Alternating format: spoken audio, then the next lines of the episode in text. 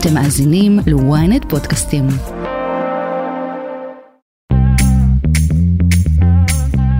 שלום לכם, אתם על כסף חדש, הפודקאסט הכלכלי היומי של ynet, יום שני, 28 באוגוסט, מה יש לנו עבורכם היום? בדצמבר הקרוב תסתיים הכהונה הנוכחית של נגיד בנק ישראל, הפרופסור אמיר ירון. נכון לעכשיו, נראה שהנגיד שהזהיר כמה וכמה פעמים נגד ההשלכות של החקיקה המשפטית, לא ימשיך לכהונה נוספת. פרופסור אשר בלס, הוא לשעבר כלכלן ראשי בבנק ישראל, יהיה איתנו ויסביר מדוע הנגיד צפוי להודיע על סיום כהונתו, מה נתניהו מחפש בנגיד הבא, ומה ההחלטה עשויה לעשות לשווקים. נושא של החלפת הנגיד כשהוא התריע על הדברים האלה, הדבר הזה עלול להתפרש, ואולי להתפרש בצדק, כאינדיקציה שיש פחות נכונות לקבל ביקורת. עוד בפוד, סין החליטה לאחרונה, בצעד נוסף שנוי במחלוקת, לאסור כליל על יבוא פירות ים למאכל מיפן. זאת בטענה כי יפן החליטה, וזה נכון, לשחרר לים מיליון טונות של מים רדיואקטיביים וכי הדבר אינו בטוח. האומנם? יובל ויינרב, הוא יסביר לנו מה באמת עומד מאחורי ההחלטה הסינית, כיצד היא תשפיע גם על סין וגם על יפן, ולמה היא קשורה בכלל למלחמת הסחר בין סין למערב, ובראש בראשונה כמובן, העימות מול ארצות הברית. סין בדרך כלל יותר נזהרת מלעשות מהלכים גורפים כאלה מול מדינות, בטח מול ארצות הברית. מול מדינות אחרות היא מרגישה קצת יותר בנוח, למשל עם יפן, שהיא כבר הטילה עליהם כמה סנקציות רשמיות בעבר. לסיום, כתבנו גד ליאור יהיה איתנו. הוא יספר על ההחלטה המסתמנת של שר האוצר בצלאל סמוטריץ' להמשיך ולסבסד את מחיר הדלק כדי למנוע עליות מחירים, ובכך לגרום להרחבת הגירעון עוד יותר. בכמה היה אמור לעלות המחיר לליטר, ומה הסיבה להחלטה שנראה שמיטיבה בעיקר עם המעמד הבינוני גבוה. אני רועי כץ, עורך את הפוד דן רבן, תום חלד הוא על הביצוע הטכני, כסף חדש, הפודקאסט הכלכלי היומי של ynet, הנה, אנחנו מתחילים. כסף חדש אנחנו מתחילים. בדצמבר הקרוב תסתיים הכהונה של נגיד בנק ישראל הפרופסור אמיר ירון. נכון לעכשיו נראה שהוא לא ימשיך לכהונה נוספת. ברקע כמובן האזהרות שהשמיע הנגיד בצורה פומבית מפני המשך החקיקה המשפטית והרצון, כך נדמה, של הממשלה הנוכחית לאייש את התפקיד עם... מישהו פחות מאיים. במקביל, כתבנו גד ליאור מפרסם ממש היום שראש הממשלה נתניהו כבר מקיים התייעצויות בדבר אה, מועמד או מועמדת לנגיד, וכי הנגיד שהחלטתו כאמור טרם סופי צפוי להודיע לכאן או לכאן כבר בחודש הקרוב. נמצא איתנו על הקו הפרופסור אשר בלס, הוא כלכלן ראשי לשעבר בבנק ישראל, מרצה לכלכלה במכללה האקדמית אשקלון. שלום לך פרופסור. שלום, צהריים טובים. פרופסור, נגיד, מה, הוא מסיים את תפקידו, הוא באמת יבוא לקדנציה אחת בלבד? אני מקווה שלא. אה, בעבר אה, נגידים, ודאי נגידים אה, בעלי שם, המשיכו לשתי קדנציות, או כמעט לשתי קדנציות, ולעת הזאת במיוחד חשוב להקרין יציבות והמשכיות אה, ואפילו נכונות לקבל ביקורת, אה, עצמאות של רשויות נוספות, קרי במקרה שלנו בנק ישראל, והחלטתו של הנגיד איננה בכיוון הרצוי בכל הנוגע לנקודות האלה. מנקודת המבט שלך, אתה חושב שהוא ימשיך? אני, קשה לי לדעת מה יקרה. אה, זה גם שאלה פוליטית, גם שאלה שקשורה לשאיפות אישיות אולי, בתוכניות אישיות, אבל בכל מקרה אה, יש חשיבות של המשכיות. אה, כך היה למשל גם עם הנגיד פישר וגם עם הנגיד פרנקל. עכשיו כמובן, אני מניח שאם מר נתניהו הממשלה היו ממנים אה, נגיד אה, שם עולמי כדוגמת אה, שר האוצר לשעבר בארצות הברית, לארי סמרס או משהו, אדם דומה, הדבר הזה היה מקבל בהבנה מסוימת. אבל כל עוד זה לא הולך בכיוון הזה, ואישיות שהנגיד שיש לו שם בינלאומי תוחלף במישהו מקומי עם שם ותעודה פחות אה, מוכרים, הדבר הזה, במיוחד בעת הזאת, אה, הדבר הזה יכול לפגוע. פרופסור בלס, אה, אמיר ירון היה נגיד טוב לטעמך? יש הצדקה מקצועית לא להמשיך את הכהונה שלו?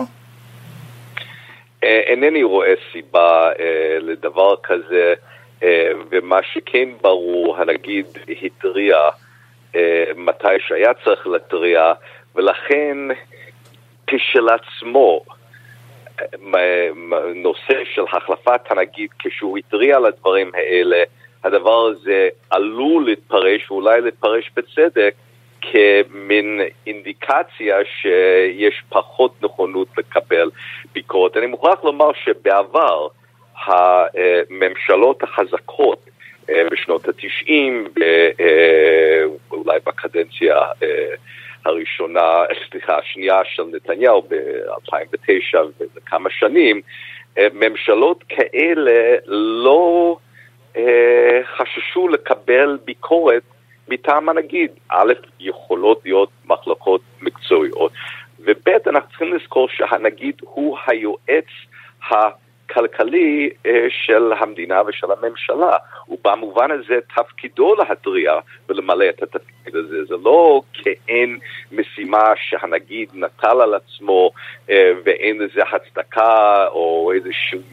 נטייה לקחת אה, סמכויות שאין לו, זה פשוט אז לא פרופסור, המצב. אז פרופסור בלס, פרופסור בלס, אז זה באמת פוליטי. זה קשור לביקורת הנוקבת של הנגיד על החקיקה המשפטית. אי אפשר לדעת בוודאות, אבל זה בוודאי יתפרש כך. אה, קשה מאוד שלא לפרש את זה בצורה הזאת. מה ראש הממשלה צריך לחפש בנגיד הבא? מה הוא צריך לחפש בנגיד בנק ישראל הבא שהוא לא קיבל מפרופסור אמיר ירון, שגם הוא, אני מזכיר, היה מינוי שלו, מלבד כמובן נאמנות. קודם כל, אה, פרופסור ירון דמות עם שם בינלאומי, אה, ודאי הייתה לו קריירה אה, מבטיחה ומזהירה בחוץ לארץ. אני חושב שכל נגיד שלא יהיו לו את התכונות האלה, הדבר הזה ייתפס, וכנראה בצדק, כשנמוך, לא שדרוג, של התפקיד, וזה חבל.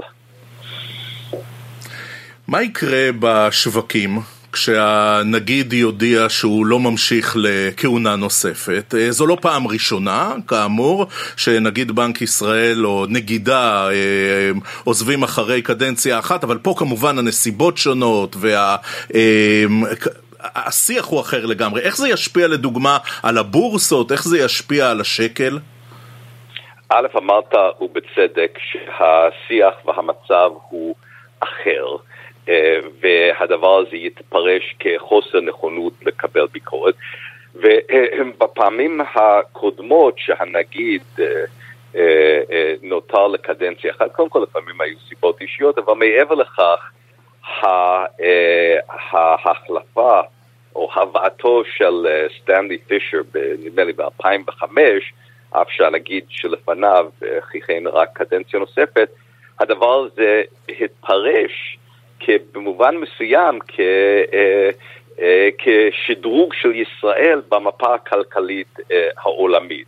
ולכן זה לא רק עצם ההחלפה, אלא ההחלפה לעת הזאת, וההחלפה של דמות בינלאומית בדמות שעלולה להיות פחות מוכרת, ידועה, עם ניסיון בינלאומי, הדבר הזה יחד עם המצב הנוכחי שאנחנו נמצאים בו, אה, הקומבינציה הזאת עלולה להיות אה, לא טובה בלשון המעטה. פרופסור אשר בלס, אחד השמות שנזרקים שוב ושוב הוא שמו של הפרופסור אבי שמחון, יועצו הכלכלי הוותיק של בנימין נתניהו. אבי שמחון כנגיד בנק ישראל, מה תהיה התגובה המקצועית בשווקים, שקל, חברות דירוג אשראי, מה תהיה התגובה לזה? קשה, אני לא רוצה להתבטא לגבי אדם זה או אחר, חשוב שה... אם הנגיד הנוכחי לא ימשיך, ורצוי שהוא ימשיך בנסיבות העניין, יש חשיבות גדולה ביותר שהמחליף או המחליפה יהיה דמות בינלאומית מוכרת ולא רק אדם המצוי בשוק ובמשק המקומי. פרופסור אשר בלס, כלכלן ראשי לשעבר בבנק ישראל, מרצה לכלכלה במכללה האקדמית אשקלון. תודה אדוני, תודה על השיחה. תודה. כסף חדש כסף חדש אנחנו ממשיכים. המעצמה הכלכלית השנייה בגודלה בעולם, סין, החליטה לאחרונה, בעוד צעד שנוי במחלוקת, לאסור כליל על יבוא פירות ים למאכל מיפן. הצעד נעשה לכאורה מטעמי בטיחות, לאחר שיפן החליטה לשחרר ללב ים מיליון טונות של מים רדיואקטיביים ששימשו לקירור מוטות הדלק בתחנת הכוח הגרעינית פוקושימה, זו שנפגעה ברעידת האדמה והצונאמי של שנת 2011. אבל האם זו באמת הסיבה למהלך הסיני? נמצא איתנו יובל ויינרב, הוא שותף מייסד בקריסטל 8 ומגיש הפודקאסט המצליח להבין את סין. שלום יובל. שלום, שלום. אז כמו שאמרנו, סין טוענת שמדובר בכלל באיסור מטעמי בטיחות, ואתה יודע, על פניו נשמע שיש פה איזה קייס, מים רדיואקטיביים, זה נשמע לא בריא. אבל uh, ברקע הדברים האלה, uh, סבא טוענת שאין סכנה במהלך היפנית, והמתיחות הגדולה והנמשכת בין שתי המדינות מעלה קצת חשד שההחלטה הסינית אולי מונעת מטעמים אחרים? אה, בדיוק, אז אה, בדיוק כמו שאמרת, בעצם המים האלה הם משוחררים אחרי תהליך מאוד קפדני וגם היפנים בדרך כלל מקפידים על התהליכים האלה. כלומר, ברור שיש פה על פניו בכותרת משהו שנשמע מאיים, אבל כל המומחים אומרים שאין פה באמת סיבה לחשוש, ומה שראינו בשבועות, כאילו בימים האחרונים, זה שברשתות החברתיות בסין, נוצר איזשהו באז מטורף על הסיפור הזה שהביא לתבהלה שאני חושב שאפילו יותר ממה שהממשל רצה להשיג, כשאנשים uh, התחילו לאגור שקיות של מלח ודברים כאלה, כי חוששים שעוד מעט כבר המלח יהיה מזוהם, וזה יצר איזושהי יציאה מפרופורציה כזאתי, שהתחילה ממשהו שכמו שאמרת הוא כנראה פוליטי, בוא נגיד, יותר, אם לא רק, uh, מאשר עניינים של בטיחות. וזה נובע באמת מהיחסים הבעייתיים שיש בין סין ליפן, שיש להם כמובן גם הרבה מאוד משקעים היסטוריים, עוד מאז הכיבוש היפני של סין אה, במהלך מלחמת העולם השנייה. אה, אבל גם לאחרונה, כשיפן הופכת להיות אחד מהקולות המובילים, אולי שנייה רק לארצות הברית, מבחינת הרצון שלה לנסות להגביל את סין והחברות שלה בכל מיני אה, מיזמים וקבוצות בינלאומיות כמו הקוואד ואחרות, שבעצם בראש ובראשונה נועדו להגביל את אה, צעדיה והשפעתה של סין באזור. אז רגע, יובל, תן לנו לנצל את המומחיות שלך. איך האיסור הזה, היפני, הסיני, על יבוא פירות ים, מתחבר בכלל למדיניות של סין כלפי המערב בשנים האחרונות, ועד כמה יש פה קשר גם למאבק המתמשך, גם הכלכלי, גם הפוליטי מול ארצות הברית? אז בהחלט יש קשר. אה, כלומר, מה שרואים בשנים האחרונות זה באמת את ה... המאבק הכלכלי בין סין הברית שמתבטא, צריך להגיד, בראש ובראשונה בסנקציות אמריקאיות על סין, יותר מאשר לכיוון השני. סין בדרך כלל יותר נזהרת מלעשות מהלכים גורפים כאלה מול מדינות, בטח מול הברית. אה, מול מדינות אחרות היא מרגישה קצת יותר בנוח, למשל עם יפן, שהיא כבר אה, הטילה עליהם כמה סנקציות רשמיות בעבר. הפעם זה איזשהו מהלך כזה אה, עם משמעות כפולה, כי כביכול מדובר באמת בעניינים של תקנות בטיחות, אבל uh, אפשר לנחש שאם יפן הייתה מחליטה לשנות פתאום את המדיניות שלה ואת השיתוף פעולה ההדוק שלה עם ארצות הברית על מהלכים כלכליים נגד סין, אז גם ההמלצה הזאת או האיסור הזה על רכישה של פירות ים מיפן uh, גם הייתה כנראה uh, מתקפלת עם, זה. מה שכן, וזה חשוב להגיד, כרגע נראה שסין אה, לא פועלת רק נגד יפן בהקשרים האלה, כלומר זה, זה טקטיקות שסין עושה גם מול מדינות אחרות, למשל אה, סגן נשיא טיוואן ביקר בארצות הברית אה, לא מזמן, וכתגובה פתאום סין גילתה שיש המון מזיקים במנגואים שמיובאים מטיוואן לסין ונאסר על יבוא מנגואים. איזו. מקריות, איזו מקריות. כן, אז uh, תמיד הדברים האלה קורים בסמיכות מאוד מפתיעה ל, למהלכים כן. דיפלומטיים או דומים של, ה, של היריבות של סין. טוב, בוא נעבור רגע לצלחת. בסוף, מי הנפגע מההחלטה הזאת? הרי הסינים אוכלים לא מעט אה, פירות ים, סין היא היבואנית מספר אחת של המוצרים היפנים האלה, ומנגד, מהלך כזה ודאי פוגע ביפנים. אז אה, מי נפגע ומי יראה פחות פירות ים על הצלחת? אז uh, בוודאות מי שיראה פחות פירות ים על הצלחת זה באמת הסינים. Uh, היה מצחיק לראות ברשתות חברתיות בסין uh, כל מיני גולשים שהעלו תמונות של המסעדה היפנית השכונתית שלהם שמפרסמת בגדול שהסלמון שלהם uh, מיובא מנורבגיה והדג הזה מיובא מרוסיה ואפילו מישהו צחק שהנה סוף סוף המסעדה היפנית מתחת לבית שלי מודה שהם לא באמת יפנים.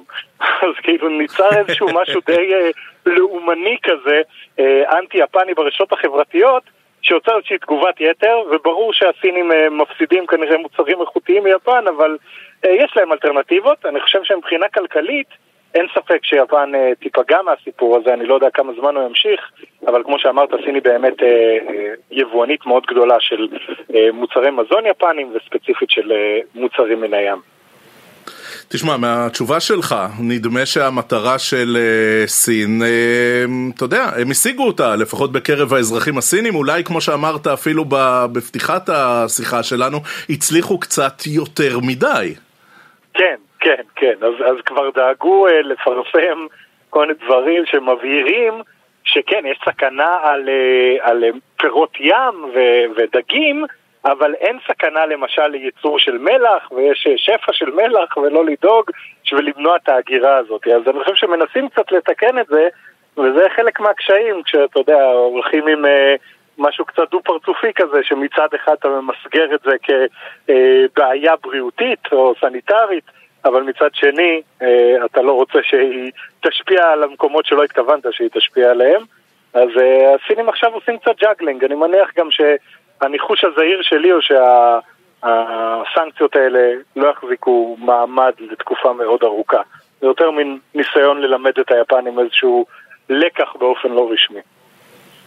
אנחנו יודעים שאתה יובל מומחה לסין ולא ליפן, אבל אנחנו מנצלים את זה שאתה על הקו שלנו. מה המשמעות של דבר כזה ליפן? אכפת להם בכלל מחרם כזה? הם חוששים שאולי גם מדינות אחרות ידאגו, דרום קוריאה, אולי מדינות איים אחרות, או שזה סממן למגמה כללית סינית נגד יפן, שכוללת עוד חרמות, אבל לא מעבר לזה. אז התחושה שלי היא שהיפנים כנראה לא באמת, הם מבינים שמדובר פה במשהו שהוא תגובה, למשל היה מפגש ממש לא מזמן בקמפ דיוויד בארצות הברית של ראש הממשלה היפני, נשיא קוריאה ונשיא ארצות הברית ולא דיברו על זה באופן רשמי, לא הציגו את זה ככה, אבל ברור שחלק מהעניין היה לתאם מהלכים מול סין.